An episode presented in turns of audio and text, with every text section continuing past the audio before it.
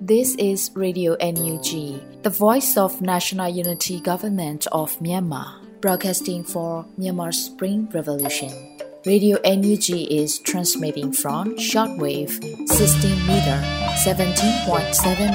MHz at 8:30 a.m. and 25 meter 11.94 MHz at 8:30 p.m. Myanmar Standard Time.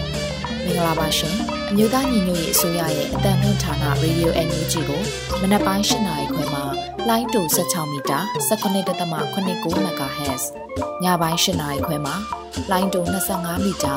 17.6 MHz တို့မှာဓာတ်ရိုက်ဖမ်းယူနိုင်စေနိုင်ပါရှင်။မင်္ဂလာအပေါင်းနဲ့ပြည့်စုံကြပါစေ။အခုချိန်ကစပြီး Radio NUG အစီအစဉ်လေးကိုဓာတ်ရိုက်အတန်လွှင့်ပေးနေပါပြီရှင်။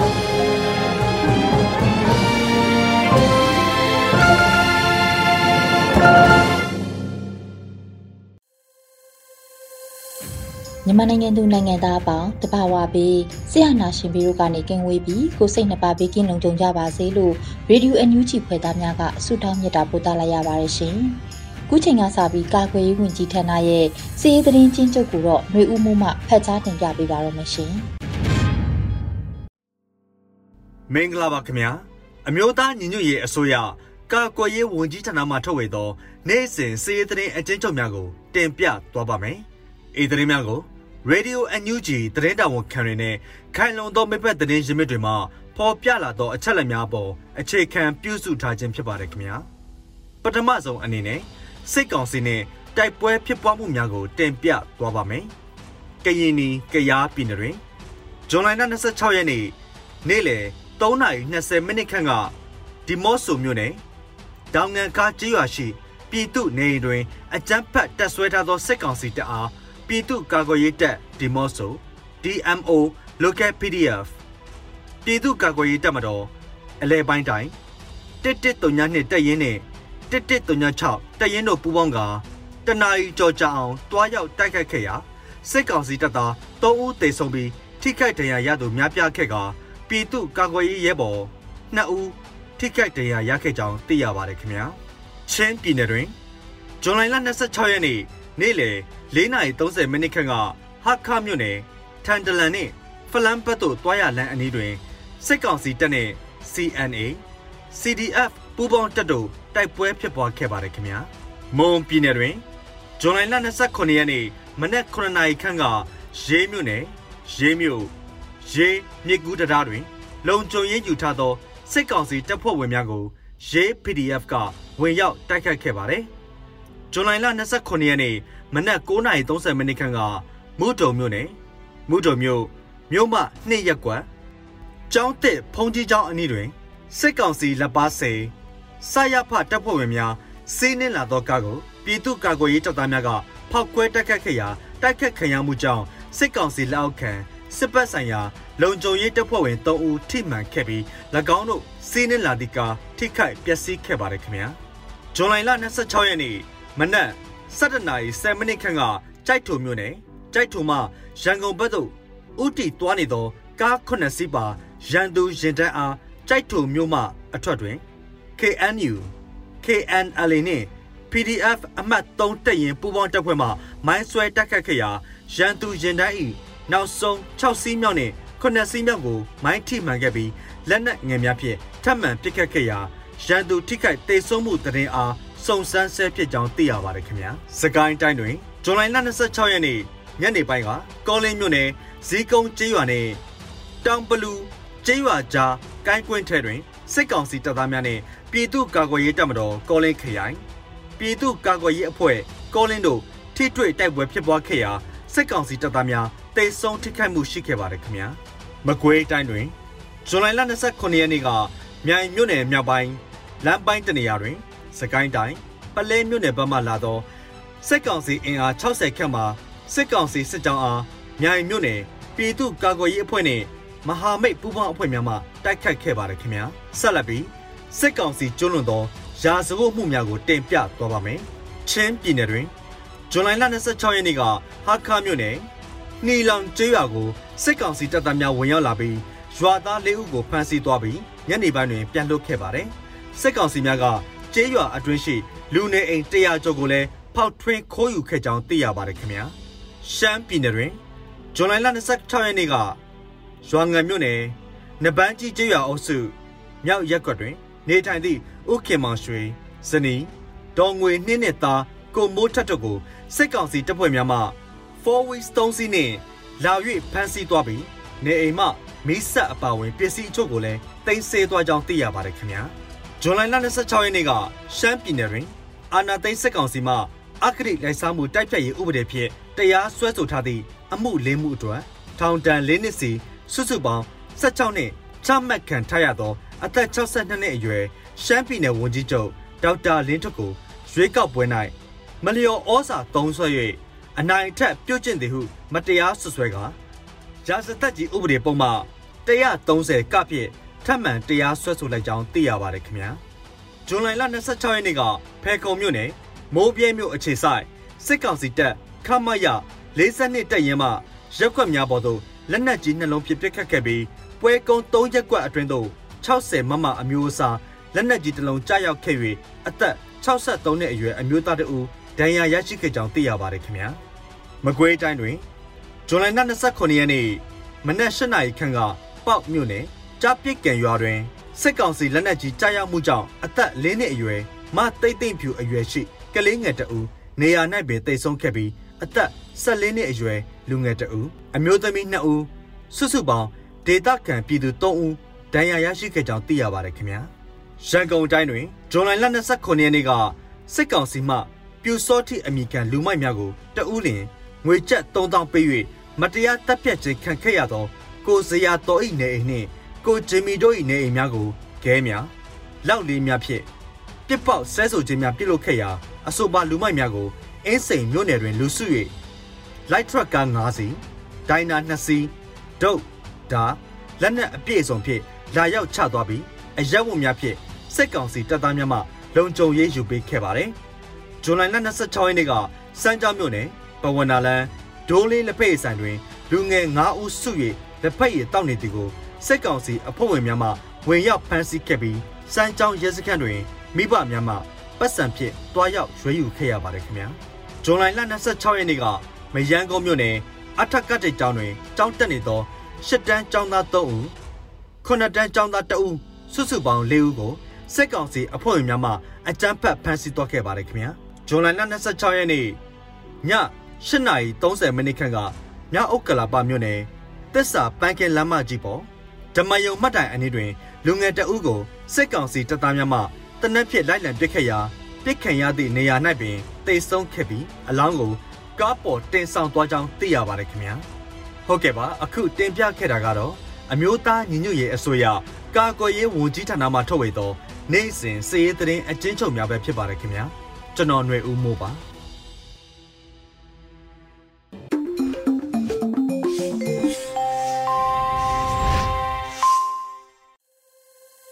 ရေဒီယိုအန်ယူဂျီမှာဆက်လက်တင်ပြနေပါတယ်။အခုဆက်လက်ပြီးနားဆင်ကြရမှာကတော့နောက်ဆုံးရသတင်းများကိုနှွေဦးမှုမှဖတ်ကြားတင်ပြထားတာကိုနားဆင်ကြရမှာဖြစ်ပါတယ်ရှင်။မင်္ဂလာပါရှင်ခုချိန်ကစပြီးတော့နောက်ဆုံးရပြည်တွင်းသတင်းတွေကိုတင်ဆက်ပေးတော့မှာပဲဖြစ်ပါတယ်ခုတင်ဆက်မဲ့သတင်းတွေကိုတော့ Radio NUG သတင်းတာဝန်ခံတွေနဲ့ခိုင်လုံတဲ့မိဘသတင်းရင်းမြစ်တွေကအခြေခံတင်ပြထားတာပဲဖြစ်ပါတယ်ကျွန်မကတော့ຫນွေဦးမော်ပါ မင်းအောင်လှိုင်ဟာဘယ်တော့မှဂရိကိုပြုမဲ့သူမဟုတ်ဘူးဆိုတာကိုအာဆီယံနဲ့ကုလသမဂ္ဂအဖွဲ့ဝင်နိုင်ငံတွေနားလည်ထားရမယ်လို့နိုင်ငံခြားရေးဝန်ကြီးပြောဆိုလိုက်တဲ့သတင်းကိုဥစွာတင်ဆက်ပေးချင်ပါတယ်။မင်းအောင်လှိုင်ဟာဘယ်တော့မှဂရိကိုပြုမဲ့သူမဟုတ်ဘူးဆိုတာကိုအာဆီယံနဲ့ကုလသမဂ္ဂအဖွဲ့ဝင်နိုင်ငံတွေနားလည်ထားရမယ်လို့နိုင်ငံခြားရေးဝန်ကြီးဒေါ်စင်မအောင်ကဇူလိုင်လအတွင်းမှာဆိုလိုက်တာပါ။ ကိုချင်မီနဲ့ကိုဖြူဆွေရတော်တို့ရဲ့ဂုံတက်တွေကိုအလေးပြုရင်စစ်ကောင်စီရဲ့အကြမ်းဖက်လို့ရကြောင့်အခြားအသက်တထောင်ခွဲကျော်ဆုံးရှုံးခဲ့ရတာကိုတတိယမိပါတယ်။မြေအောင်လိုင်ဟာဘယ်တော့မှဂတိကိုပြုမှာမဟုတ်ဘူးဆိုတာကိုအာဆီယံနဲ့ကုလသမဂ္ဂအဖွဲ့ဝင်နိုင်ငံတွေနားလည်ထားရမယ်လို့ဝန်ကြီးကဆိုပါတယ်။လက်ရှိမှာအာဆီယံပုံသဘောတူညီချက်9ရက်ဟာကြာရှုံးသွားပြီလို့ဝန်ကြီးကဆိုပါတယ်ရှင်။နယူးဒေါ်လိန်အောင်မြင်မှုကာကွယ်ဝင်ကြီးဂရီပြုတဲ့တရင်ကိုဆက်လက်တင်ဆက်ပေးပါမယ် နယူးဒေါ်လာရေးအောင်မြင်ဖို့ကာကွယ်ဝင်ကြီးဦးရင်မွန်ကဇူလိုင်26ရက်လူမှုကွန်ရက်စာမျက်နှာမှာဂဂရိပြုရေးသားပြောကြားခဲ့ပါတယ်။တမလွန်ကရဲဘော်များစိတ်ချပါလို့ဝင်းကြီးကဆိုပါတယ်။ဇူလိုင်25ရက်နေ့ကလည်းမြောက်လိုင်ကိုဖမ်းမိပြီးတရားစီရင်လို့မပြီးမချင်းနယူးဒေါ်လေးမပြီးဘူးလို့ကာကွယ်ရေးဝန်ကြီးကဆိုထားပါတယ်။လက်ရှိမှာပြည်သူ့ကာကွယ်ရေးတပ်ဖွဲ့နဲ့ဒေသခံကာကွယ်ရေးတပ်ဖွဲ့များကိုမိတ်ပေးကိုကဲမှုစနစ်တည်ဆောက်နေပြီး တိုက်ပွဲဝင်မှုအတွက်စီမံချက်များရေးဆွဲရန်ပြင်ဆင်နေတယ်လို့ကာကွယ်ရေးဝန်ကြီးဌာနကသတင်းထုတ်ပြန်ထားပါတယ်ရှင်။သူရဲကောင်းလေးယောက်ဖြစ်စေခြင်းနဲ့ Federal Democracy နိုင်ငံတည်ဆောက်ရေးအတွက်ဒေါသတွေကိုအင်အားဖြင့်ပြောင်းလဲပေးဖို့ပြည်ထောင်စုဝန်ကြီးဒေါက်တာဇော်ဝေဆိုတိုက်တွန်းပြောကြားတဲ့သတင်းကိုလည်းဆက်လက်တင်ဆက်ပေးပါမယ်။သူရဲကောင်းလေးယောက်ဖြစ်စေခြင်းနဲ့ Federal Democracy နိုင်ငံတည်ဆောက်ရေးအတွက်ဒေါသတွေကိုအားအင်ဖြင့်ပြောင်းလဲပေးဖို့ပြည်ထောင်စုဝန်ကြီးဒေါက်တာဇော်ဝေဆိုကဇူလိုင်နောက်ဆုံးပတ်တွင်သတင်းဌာနတစ်ခုသို့ဖြေကြားရမှာပြောကြားလိုက်တာပါ။ဒီကျွန်တော်တို့ရဲ့စူနေတဲ့သွေးတွေကိုဒေါသတွေကိုတော်လှန်ရေးအတွက်အသုံးချရမှာဖြစ်ပါတယ်။တော်လှန်ရေးအတွက်ကိုသုံးချပြီးကိုကျင်မီတို့ကိုဖြိုးစီရတော်တို့ကိုလာမျိုးအောင်တို့ကိုအောင်သူရဇော်တို့ဖြစ်စေခြင်းနဲ့ဆီယနာရှင်မရှိတဲ့ Federal Democracy နိုင်ငံတည်ဆောက်ဖို့အတွက်အားတွေဖြစ်ပြောင်းရမှာဖြစ်ပါတယ်လို့ဝန်ကြီးကဆိုပါတယ်။ ဒါအပြင်လူတော်လှန်ရေးအောင်မြင်မှုအတွက်ငွေအားလူအားလိုအပ်မှာဖြစ်ပြီးတော့ပြည်သူလူထုအနေနဲ့အခုချိန်ခါမှာစွမ်းကုန်ပါဝင်ဖြည့်ဆည်းဖို့ကိုလည်းဝန်ကြီးကထပ်လောင်းပြောကြားပါတယ်ရှင်။ နိုင်ငံတကာပါလီမန်များအဖွဲ့ IPU နဲ့ CRPH တို့တွေ့ဆုံပြီးဆက်သွယ်ဆက်ဆံရေးကဏ္ဍပေါ်ဆက်လက်ပူးပေါင်းဆောင်ရွက်နိုင်ရေးဆွေးနွေးတဲ့သတင်းကိုလည်းတင်ဆက်ပေးကြပါမယ်။နိုင်ငံတကာပါလီမန်များအဖွဲ့ IPU နဲ့ CRPH တို့တွေ့ဆုံပြီးဆက်သွယ်ဆက်ဆံရေးကဏ္ဍပေါ်ဆက်လက်ပူးပေါင်းဆောင်ရွက်နိုင်ရေးဆွေးနွေးခဲ့ပါတယ်။ဇူလိုင်29ရက်နေ့မွန်းလွဲတနာရီခွဲအချိန်ဗီဒီယိုကွန်ဖရင့်နဲ့တွေ့ဆုံပြီး CRPH ရဲ့ပြင်ပဆက်ဆံရေးကဏ္ဍနဲ့ဆက်သွယ်ရေးနည်းပညာကဏ္ဍတို့ပေါ်ဆက်လက်ပူးပေါင်းဆောင်ရွက်နိုင်ရေးဆွေးနွေးခဲ့ကြတယ်လို့သတင်းရရှိပါတယ်။ အစည်းအဝေးမှာသတင်းနဲ့ပြန်ကြားရေးကော်မတီဥက္ကဋ္ဌဒေါက်တာဝေဖြိုအောင်နိုင်ငံတကာဆက်ဆံရေးကော်မတီဥက္ကဋ္ဌဒေါ်မြတ်တီရာထွန်းနဲ့အတွင်းရမှုဦးတင်ကိုကိုဦး IPU မှတာဝန်ရှိသူများနဲ့အကူအညီပေးရေးအစီအစဉ်မှာပါဝင်မဲ့ကျွမ်းကျင်သူများတက်ရောက်ခဲ့ကြပါတယ်။ IBU နဲ့မြန်မာလွှတ်တော်တို့ကြားသဘောတူညီထားတဲ့အကူအညီပေးရေးစီမံကိန်းအရ CRPH ရဲ့လုပ်ငန်းများအားကောင်းလာစေရန် နိုင်ငံတကာတန်တမန်ဆက်ဆံရေးဤပညာကဏ္ဍတို့အပါအဝင်နိုင်ငံတကာအတိုင်းအဝန်နဲ့လက်တွေ့ကြတဲ့ပူးပေါင်းချိတ်ဆက်ဆောင်ရွက်မှုတို့ပုံမှန်ဆောင်ရွက်နိုင်ရေးပံ့ပိုးကူညီသွားမှာဖြစ်တယ်လို့သိရပါတယ်ရှင်။ ကိုချင်းမီကိစ္စကိုအကြောင်းပြုပြီးအလူခံနာမျိုးတွေကြားသိနေရတဲ့အတွက်ကုငွေလက်မခံပဲဒေါ်လာရေးအတွက်သာလှူပါလို့မနီလာသိန်းပြောကြားတဲ့အကြောင်းအရာကိုဆက်လက်တင်ဆက်ပေးပါမယ်။ကိုဂျင်မီကိစ္စကိုအကြောင်းပြုပြီးအလူခန္ဓာမျိုးတွေကြားသိနေရတဲ့အတွက်ကုငွေလက်မခံမဲ့တော်လိုင်းရဲ့အတွက်သာလှူပါလို့မနီလာသိန်းကပြောကြားလိုက်ပါတယ်။ဇူလိုင်29ရက်လူမှုကွန်ရက်မှာကိုဂျင်မီရဲ့ဇနီးဖြစ်သူမနီလာသိန်းကရေးသားပြောကြားခဲ့ပါတယ်။ကျမတခုပြောပြရစီ။နာယီမလုပ်ဘူး၊စွမတုပ်ဘူး၊အမျှမဝေဘူး။ ကိုဂျင်မီကိစ္စကိုအကြောင်းပြုပြီးအလူခန္ဓာလောက်တာမျိုး၊နာယီအခမ်းအနားလောက်တာမျိုးဟာဘယ်နိုင်ငံမှာပဲလုပ်လို့ကျမနဲ့လုံးဝသက်ဆိုင်ခြင်းမရှိသလိုကိုချင်းမီကိုအကြောင်းပြုပြီးအလူခန္ဓာမျိုးတွေရှိနေတယ်လို့ကြားသိနေရတယ်။ကျမအတွက်ကိုငွေမလိုဘူးလုံးဝလုံးဝလက်မခံပါ။တော်လင်းရေးအတွက်ပဲကူပါလူပါဗျိုင်းတူတွန်းကြပါယုံကြပါလို့ဆိုပါတယ်။ဇူလိုင်လ25ရက်နေ့မှာအကြမ်းဖက်စစ်ကောင်စီမှဒီမိုကရေစီရဲဘော်လေးဦးဖြစ်တဲ့ဦးဖြိုးစရာတော်ဦးချင်းမီဦးသူရဇော်နဲ့ဦးလာမျိုးအောင်တို့ကိုစီရင်ပြီးကြောင်းထုတ်ပြန်ပါတယ်။ သို့ပေမဲ့စီရင်မှုကိုမိသားစုဝင်တွေကိုအကြောင်းမကြားပဲတွားရောက်မေးမြန်းအတည်ပြုရာအစ်စိန်တူထောင်မိုင်ကအတည်ပြုခဲ့ပြီးရုပ်အလောင်းကိုလည်းမရှိဘူးလို့ဆိုခဲ့ပါတယ်ရှင်။နူဒေါ်လာနဲ့ဆက်ဆက်ပြီးတေတန်ချမှတ်ခံထားရသူအကျဉ်းအောင်တွေမှာထိမ့်သိမ်းခံရသူ84ဦးတို့ကိုထပ်မံ၍တရားလက်လွတ်တပ်ဖြိတ်ခံရမယ့်လားလာများရှိနေတယ်လို့ AABB ထုတ်ပြန်တဲ့သတင်းကိုဆက်လက်တင်ဆက်ပေးကြပါမယ်။နူဒေါ်လာနဲ့ဆက်ဆက်ပြီးတေတန်ချမှတ်ခံထားရပြီးတော့ကျဉ်းအောင်တွေမှာထိမ့်သိမ်းခံရတဲ့ 84ဦးတို့ကိုလည်းထပ်မံပြီးတော့တရားလက်လွတ်တပ်ဖြတ်ခံရမယ့်လားလာတွေရှိနေတယ်လို့ AABB ကထုတ်ပြန်ပါတယ်။ဇူလိုင်29ရက်နေ့မှာနွေဦးဒေါ်လာရင်းနဲ့ဆက်ဆက်ပြီးအကျဉ်းအောင်တွင်၌ထိမ့်သိမ်းခံထားရတဲ့ဒေတန်6မဲ့ခံထားရသူစီးရင်ကို AAPP ကထုတ်ပြန်ခဲ့ပါတယ်။ဂျပန်စီအုပ်စုအနေနဲ့ပြီးခဲ့တဲ့ရက်ပိုင်းအတွင်းကနိုင်ငံရေးအကျဉ်းသားများဖြစ်တဲ့ကိုဂျမီခကိုကျော်မင်းယူကိုပြိုးစီရသောကိုလာမျိုးအောင်နဲ့ကိုအောင်သူရဇော်တို့၄ဦးကိုတရားလွတ်လွတ်တပ်ဖြတ်ခဲ့ပြီးတိကျတဲ့ထုတ်ပြန်မှုမျိုးမရှိခဲ့ပါ။ ကျင်းအောင်လက်ဆွဲဥပဒေအရဆိုလျင်ဥပဒေပုံမှ139ခွန်အရတေတံကွက်မြက်ခံရသူများအားမိတကြိုးခွင့်မရှိဘဲတင်းကြိုင်းမြေနေရာများတွင်မှတ်တိုင်ဆိုင်ထူ၍သေဆုံးသူ၏အမည်နေရက်လိပ်စာနှင့်သေဆုံးသည့်နေရက်တို့ကိုရေးသားဖော်ပြပြီးမြုံနှံရမှာဖြစ်ပါတယ်။ထို့သောလှုပ်ဆောင်ရန်ပြက်ကွက်ခြင်းအားလူသက်အလောင်းဖျောက်ခြင်းမြောက်ပေးတယ်လို့ AAPP ကဖော်ပြပါတယ်။ဒါအပြင်ဇူလိုင်လ29ရက်2022ခုနှစ်အထိစူးစောင်းကောက်ယူထားသည့်အချက်လက်များအရ နယူးဒေါ်လေးနဲ့ဆက်ဆက်ပြီးတေတန်ချမှတ်ခံထားရပြီးကျင်းအောင်တွင်၌ထိမ့်သိမ်းခံရသူ84ဦးတို့သည်လည်းထပ်မံပြီးတရားလက်လွတ်တပ်ဖြတ်ခံရမယ့်အလားအလာများရှိနေတယ်လို့ AAPP ကဆိုပါတယ်ရှင်။တရားသူသာနိုင်ခြေဟိ ဗန္နာကိုင်းဆောင်သောဆီယနာရှင်စန့်ကျင်လှုပ်ရှားမှုအိစီကားဖြင့်ဖြိုခွင့်ခဲ့ရတော့လဲအထီးခိုက်မရှိလူငယ်များလွတ်မြောက်တဲ့တရင်ကိုဆက်လက်တင်ဆက်ပေးကြပါမယ်။တရားသူသားနိုင်ကြီးဟိဗန္နာကိုင်းဆောင်သောဆီယနာရှင်စန့်ကျင်လှုပ်ရှားမှုကိုအိစီကားနဲ့ဖြိုခွင့်ခဲ့ရပေမဲ့ထိခိုက်မရှိလူငယ်များလွတ်မြောက်သွားခဲ့တယ်လို့သိရပါတယ်။ဇူလိုင်29ရက်မှာရန်ကုန်မြို့တနေရာမှာလူငယ်များစန္ဒထုတ်ပေါ်ပြသစဉ်စစ်ကောင်စီဘက်ကကားနဲ့တိုက်ဖမ်းဆီးခဲ့တာလို့လူငယ်များတမကဗဟိုသတင်းပြန်ကြားရေးကဆိုပါတယ်။ဇူလိုင်29ရက် တရားသူသားနိုင်ခြင်းဟိစာသားပါစာရန်ဖြင့်ဂျပစစ်တပ်၏မတရားသဖြင့်ကြိုးပေးတပ်ဖြတ်မှုများကိုကန့်ကွက်ဆန့်ကျင်ဆန္ဒထုတ်ဖော်ပြသစဉ်အိမ်စည်းကားဖြင့်ဝင်ရောက်ဖြိုခွင်းခဲ့တာဖြစ်ပါတယ်လို့ဆိုပါတယ်လူငယ်များကြွကြုံနေစဉ်လမ်းအကွေ့မှရုတ်တရက်ဝင်တိုက်ခြင်းဖြစ်ပြီးကားပေါ်မှအင်ဂျီအပြာကွက်နဲ့ပစိုးအပြာရောင်ဝစ်ဆင်ထားသူလူတဦးမှဆင်ကလိုက်လံဖန်ဆီးခဲ့တော့လဲလင်းမြစွာရှောင်ပြေးနိုင်ခြင်းကြောင့်လူငယ်များအထိကိမရှိလွတ်မြောက်ခဲ့ကြတယ်လို့သိရပါတယ်ရှင်။ ရန်ကုန်မြို့မှာရှိတဲ့ကိုချင်းမီနဲ့ကိုစီယာတော်တို့ရဲ့နေအိမ်တွေကို light truck ကားတွေနဲ့ရောက်လာတဲ့လူတစုကပြည်သူသဘောထားနဲ့စံချိန်ကနေအိမ်ကိုခဲများနဲ့ပြစ်ပေါက်အော်ဟစ်ဆဲဆူခဲ့တဲ့တရင်ကိုဆက်လက်တင်ဆက်ပေးပါမယ်။ ရန်ကုန်မြို့မှာရှိတဲ့ကိုချင်းမီနဲ့ကိုစီယာတော်တို့ရဲ့နေအိမ်တွေကို light truck ကားတွေနဲ့ရောက်လာတဲ့လူတစုကပြည်သူသဘောထားနဲ့စံချိန်ကနေအိမ်တွေကိုခဲတွေနဲ့ပြစ်ပေါက်ပြီးအော်ဟစ်ဆဲဆူခဲ့တယ်လို့သိရပါတယ်။ဇူလိုင်29ရက်မော်လွင်12နာရီခွဲအချိန်မှာကိုစီယာတော်နေထိုင်ခဲ့တဲ့ရန်ကုန်မြို့ဘိုအောင်ကျော်လန်းကနေအိမ်ကိုလူတစုကကားများနဲ့ရောက်လာပြီးလမ်းမပေါ်မှာ အော်ဟစ်ဆဲဆိုပြီးဂဲများနဲ့အိမ်ကိုပေါက်ခဲ့ပါတယ်ထို့အတူပဲအင်းစိန်ပိန်းနေကုန်းရွက်ကတရက်ချန်နှစ်လမ်းမှာရှိတဲ့ကိုချင်းမီရဲ့နေအိမ်ကိုလည်း light truck ကားများနဲ့လူတစုရောက်လာပြီးတော့လူမိုက်တဲ့ပွဲအော်ဟစ်စိန်ခေါ်ကဆဲဆူပြောကြားခဲ့ပါတယ်ဆိုပါလူရဲ့များကိုတားဆီးသူမဲခဲ့ပြီးရင်းလူအုပ်ထဲမှာစစ်ကောင်စီကအခြားမြို့နယ်မှာအုပ်ချုပ်ရေးမှုအချို့ပါဝင်ကြောင်းတရင်အရင်မြစ်တချို့ကအတည်ပြုပါတယ်ကိုချင်းမီကိုဖြိုးစရာတော့ကိုလာမျိုးအောင်ကိုအောင်သူရဇော်တို့လေးဦးကိုဒေရန်ပေးကွက်မြတ်မှုအားဇူလိုင်25ရက်နေ့မှာအကြမ်းဖက်စစ်ကောင်စီဟာ ထုတ်ပြန်ခဲ့ပါတယ်ရှင်။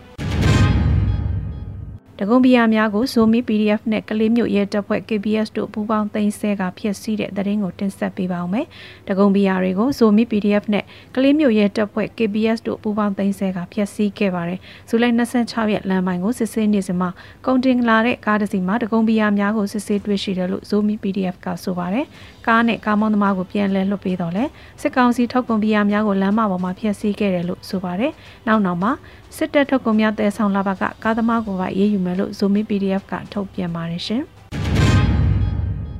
CDF ကမ်ပက်လက်မှသူရဲကောင်း၄ဦးအတွက်စစ်စင်ရေးဖော်ဆောင်ရာအကြမ်းဖက်စစ်တပ်မှ၄ဦးသေဆုံးတဲ့တရင်ကိုတင်ဆက်ပေးပါအောင်မယ်။ CDF ကမ်ပက်လက်မှသူရဲကောင်း၄ဦးအတွက်စစ်စင်ရေးဖော်ဆောင်ရာမှာအကြမ်းဖက်စစ်တပ်မှ၄ဦးသေဆုံးခဲ့ပါတယ်။ဇူလိုင်29ရက်နေ့မှာစစ်ရေးတရင်ကို Chin Defense Force ကမ်ပက်လက်ကဆိုပါတယ်။ဇူလိုင်29ရက်နေ့တွင် CDF ကမ်ပက်လက်အနေဖြင့် စစ်ကောင်စီမှမတရားကြိုးပေးကိုအမျက်ခဲ့သည်ကိုဂျင်မီကိုဖြိုးစရာသောကိုအောင်သူရဇော်နဲ့ကိုလောင်မြောင်တို့အတွက်တရားမျှတမှုပြန်လည်ရယူရန်စစ်စင်ရေးဖော်ဆောင်ခဲ့ပါတယ်လို့ဆိုပါတယ်ရဲဘော်များမှစစ်ကြောင်း၃ကြောင်းခွေ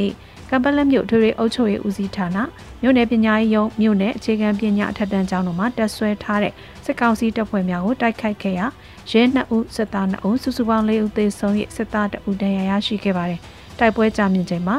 12:25မိနစ်အချိန်မှ တနင်္မိနစ်20အချိန်ထိဖြစ်ပြီးရဲဘော်များဘက်မှတစုံတရာအကြဆုံးမရှိခဲ့ပါဘူး။ဂျပန်စစ်ကောင်စီမှယခုကဲ့သို့မတရားကြိုးမိတ်ပေးခြင်းပါဝင်ဆရာဆွေးများကိုဆက်လက်လှုပ်ဆောင်နေပါကမိမိတို့ CDF ကံပလက်အနေဖြင့်မြို့သားညီညွတ်ရေးအစိုးရ MOD CJDC တို့၏လက်ညွှန်ချက်များကိုလိုက်နာ၍မြို့ရင်းစစ်စင်ရေးများကိုအရှိန်မြင့်တင်ဆောင်ရွက်သွားမှာဖြစ်ပါတယ်လို့ဆိုပါတယ်ရှင်။ခင်ဦးမြို့နယ်မကြီးအုပ်ကြီးရွာနီမှာကျန်းပတ်စစ်တပ်ပစ်ခတ်တာကြောင့်လူငယ်တဦးကြီးထိမှန်မှုကိုဒေသခံရွာသားကစေယုံလိုက်ပို့ရလမ်းမှာ စစ်ကောင်စီတပ်ကထပ်မံပစ်ခတ်တာကြောင့်နှစ်ဦးစလုံးသေဆုံးခဲ့တဲ့တဲ့ရင်ကိုဆက်လက်တင်ဆက်ပေးပါမယ်။ခင်ဦးမြို့နယ်မကြီးအုပ်ကြီးရွာနီအကျန်းဖတ်စစ်တပ်ကပစ်ခတ်တာကြောင့်လူငယ်တဦးကြီးထိမှန်မှုကိုဒေသခံရွာသားကစေယုံလိုက်ပို့ရလမ်းမှာစစ်ကောင်စီတပ်ကထပ်မံပစ်ခတ်တာကြောင့်နှစ်ဦးစလုံးသေဆုံးခဲ့ပါတယ်။ဇူလိုင်လ26ရက်နေ့နနက်9:00နာရီခန့်မှာစကိုင်းတိုင်းဒေသကြီးခုံမြို့နယ်မကြီးအုပ်ကြီးရွာနီမှာ စစ်သား80ခန်းရှိတဲ့စစ်ကြောင်းတစ်ခုရောက်ရှိလာခဲ့ပြီးပြစ်ခတ်သောကြောင့်တပ်စလင်းနှစ်အရွယ်မောင်ခန့်ခန့်ငင်းရဲ့လက်နဲ့ရင်ဘတ်မှာကြီးထိမှန်ခဲ့တယ်လို့ AAPP ကဖော်ပြပါဗျ။ဒဏ်ရာပြင်းထန်တာကြောင့်ဒေသခံရွာသားဦးထေဟာမောင်ခန့်ခန့်ငိမ့်နဲ့၎င်းရဲ့မိခင်ဖြစ်သူကိုလူနာတင်ကားပေါ်တင်ပြီးတော့စေယုံတို့သွားရန်ရွာမြောက်ပိုင်းမှထွက်ခွာစဉ် စစ်သားများနဲ့ထိတ်တိုင်တိုးပြီးပြစ်ခတ်ခံရတာကြောင့်ဦးထင်မှရင်ဘတ်ပေါင်နဲ့တင်ပစုံတို့တွင်ကြီးတန်းရအများပြားရရှိပြီးနေရာမှာပဲသေဆုံးသွားခဲ့ပါတယ်။မောင်ခန့်ခန့်ငိမ့်မှလည်း15မိနစ်ခန့်အကြာမှာသေဆုံးသွားခဲ့ပါတယ်။ဒါအပြင်စစ်သားတွေဟာမောင်ခန့်ခန့်ငိမ့်ရဲ့မိခင်ဖြစ်သူကိုကားပေါ်မှာဆင်ခိုင်းပြီးမြေပြင်မှာဝင်လျားမောက်စေပြီးမျက်နာကိုကန်ကြောက်ခဲ့တယ်လို့ဆိုပါတယ်။လူနာတင်ကားကိုလည်းစစ်ကောင်စီတပ်တွေကယူဆောင်သွားခဲ့ကြောင်းသိရှိရပါတယ်ရှင်။ခုတင်ပြပေးခဲ့တဲ့သတင်းတွေကိုတော့ Radio Energy သတင်းတော့မင်းမင်းကပေးပို့တာဖြစ်ပါတယ်ရှင်။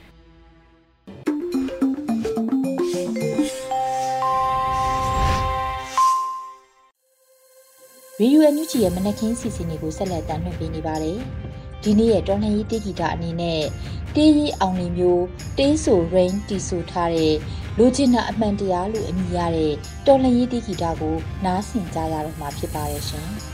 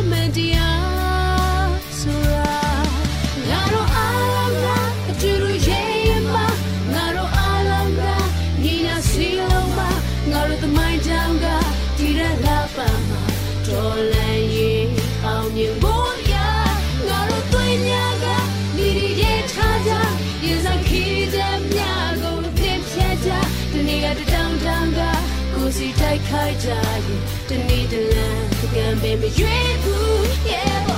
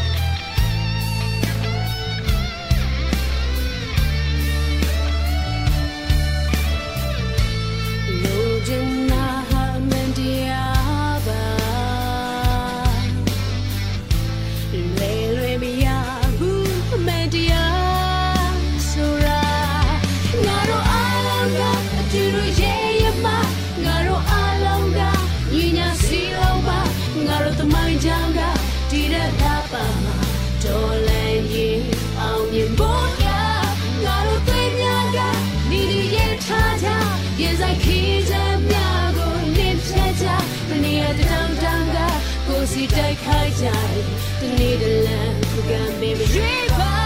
ငါတို့အလုံးကအကြည့်လို့ရဲ့ရင်မှာငါတို့အလုံးက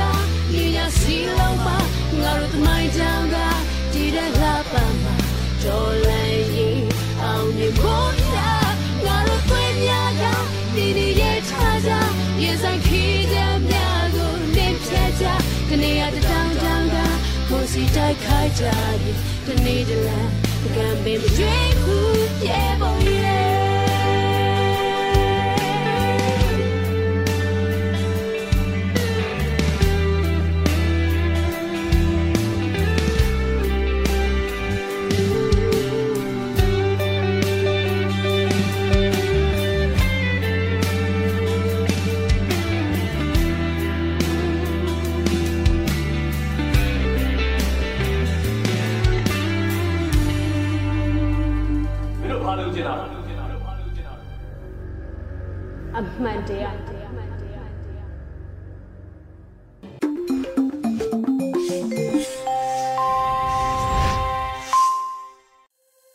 ရေဒီယိုအန်ယူဂျီပရိသတ်တွေအတွက်အခုနောက်ဆုံးနားဆင်ကြရမှာကတော့ PPTV ရဲ့နေ့စဉ်သတင်းများကိုထက်ထက်အင်ဒရာကဖတ်ကြားတင်ပြပေးတာကိုနားဆင်ကြရတော့မှာဖြစ်ပါတယ်ရှင်။ပထမဆုံးတင်ဆက်ပေးမယ့်သတင်းကတော့အကြမ်းဖက်စစ်ကောင်စီရဲ့မတရားတဲ့တည်တဲ့ချမှတ်စီရင်ခဲ့တဲ့အပေါ်ကချင်နိုင်ငံရေးဂျာကာလာညှိနှိုင်းရေးအဖွဲ့ KPIC ကပြင်းထန်စွာပြစ်တင်ရှုတ်ချလိုက်တဲ့ဆိုတဲ့သတင်းကိုတင်ဆက်ပေးပါမယ်။အကြမ်းဖက်စစ်ကောင်စီရဲ့ဒီမိုကရေစီအရေးဥဆောင်လှုပ်ရှားသူတွေကိုမတရားတဲ့တည်တဲ့ချမှတ်စီရင်ခဲ့တဲ့အပေါ်မှာ ကချင်နိုင်ငံရေးဂျာကာလာညှိနှိုင်းရေးအဖွဲ့ကပြင်းထန်စွာပြစ်တင်ရှုတ်ချလိုက်တယ်လို့ဇူလိုင်လ26ရက်ရက်စွဲနဲ့ထုတ်ပြန်ကြေညာခဲ့တာပါပြည်သူလူထုနဲ့အာဆီယံအပါအဝင်နိုင်ငံတကာအတိုက်အဝန်းတွေကအကြိမ်ကြိမ်မြစ်တာရက်ခံတားမြစ်ခဲ့တဲ့ကြားကအခုလိုတည်တံစီရင်တာကဒီမိုကရေစီနဲ့ငြိမ်းချမ်းရေးကိုလိုလားတဲ့မြန်မာပြည်သူတရက်လုံးနဲ့နိုင်ငံတကာကိုမထိမဲ့မြင်ပြုလုပ်တာဖြစ်တယ်လို့ KPIS ရဲ့ထုတ်ပြန်ချက်မှာဖော်ပြထားပါတယ်။အဲ့ဒီအတွက်ကြောင့်တည်တံစီရင်ခဲ့မှုအပေါ်ကချင်နိုင်ငံရေးဂျာကာလာညှိနှိုင်းရေးအဖွဲ့အနေနဲ့ပြင်းထန်စွာပြစ်တင်ရှုတ်ချရဲဆိုပြီးကြေညာချက်ထုတ်ပြန်ထားတာဖြစ်တယ်လို့ဖော်ပြထားပါတယ်။ KIA ရဲ့ဒုတိယဗိုလ်ချုပ်ကြီးကွမ်မော်ကလည်းအကြမ်းဖက်စစ်ကောင်စီကတည်တံစီရင်ပြီးစဉ်ကြောင့်သတင်းထုတ်ပြန်ပြီးတဲ့အချိန်မှာတကယ်မှန်ခဲ့မယ်ဆိုရင်တော့မိုင်မဲချင်းလိုပဲပြောရတော့မှာပါရှာကြံပြီးခွင့်လွှတ်ပေးခြင်းတဲ့သူတွေတောင်နောက်ဆုတ်သွားကြတော့မှာပါလို့ရည်သားခဲ့ပါတယ် ဆရာတင်ဆက်ပေးမှာကတော့မုံရမန္တလေးကားလမ်းမကိုဒီကနေ့မနက်ကစပြီးပြည်သူတွေအနေနဲ့ဖြတ်တန်းသွားလာတာမလုပ်ဖို့ပြည်သူ့ကာကွယ်ရေးတပ် PDF တွေအသိပေးထားရဲဆိုတဲ့သတင်းမှာ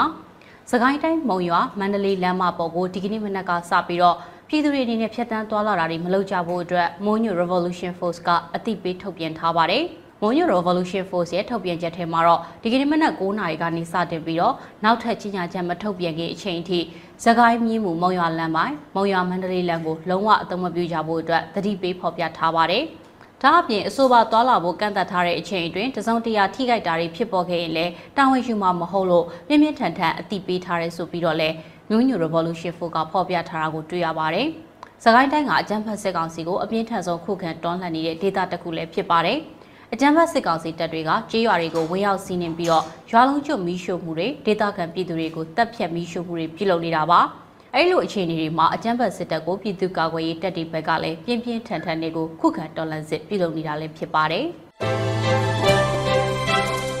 အခုတစ်ခါတင်ဆက်ပေးမှာကတော့ဆရာနာရှရဲ့အမြင့်ဖြတ်တိုက်ထုတ်ရေးအတွက်စစ်စင်ရေးတွေလှုပ်ဆောင်မှာဖြစ်လို့ပြည်သူတွေကိုအကြမ်းဖက်စစ်ကောင်စီနဲ့ဘေးလွတ်ရာရွှေ့ပြောင်းနေထိုင်ဖို့ YPDF ဗဟိုဦးဆောင်ကော်မတီကတတိပိထားရဲဆိုတဲ့သတင်းမှာရောဒေတာအတွင်းမှာဆရာနာရှရဲ့အမြင့်ဖြတ်တိုက်ထုတ်ရေးအတွက်စစ်စင်ရေးတွေလှုပ်ဆောင်တော့မှာဖြစ်တဲ့အတွက်ကြောင့်ပြည်သူတွေကိုအကြမ်းဖက်စစ်ကောင်စီနဲ့ဘေးလွတ်ရာကိုပြောင်းရွှေ့နေထိုင်ကြဖို့အတွက်ရောဒေတာပြည်သူ့ကာကွယ်ရေးတပ်ဖွဲ့ YPDF ဗဟိုဦးဆောင်ကော်မတီကဒီကနေ့ရက်စွဲနဲ့သတင်းထုတ်ပြန်လိုက်ပါတယ်။ ထုတ်ပြန်ချက်ထဲမှာရောဒေတာပြည်သူ့ကာကွယ်ရေးတပ်ဖွဲ့ YPDF အနေနဲ့မဟာမိတ်တွေနဲ့ပူးပေါင်းပြီးတော့ဆီယနာရှင်အမြင့်ဖြတ်တိုက်ထုတ်ရေးအတွက်လိုအပ်တဲ့စစ်စင်ရေးတွေကိုလှုပ်ဆောင်တော့မှာဖြစ်တယ်လို့ဖော်ပြထားပါတယ်။အဲဒါကြောင့်အကြမ်းဖက်စစ်ကောင်စီရဲ့တပ်တွေရှိတဲ့တပ်စခန်းကင်းစခန်းစစ်စေးရေးဂိတ်တွေစစ်ကောင်စီရဲ့ထောက်တိုင်ရုံးတွေအနီးမှာနေထိုင်ကြတဲ့မိဘပြည်သူတွေအနေနဲ့ဘေးလွတ်ရာနေရာတွေကိုအမြန်ဆုံးခိတ္တတင်းရှောင်ကြဖို့အတွက်လည်းသတိပေးဖော်ပြထားပါတယ်။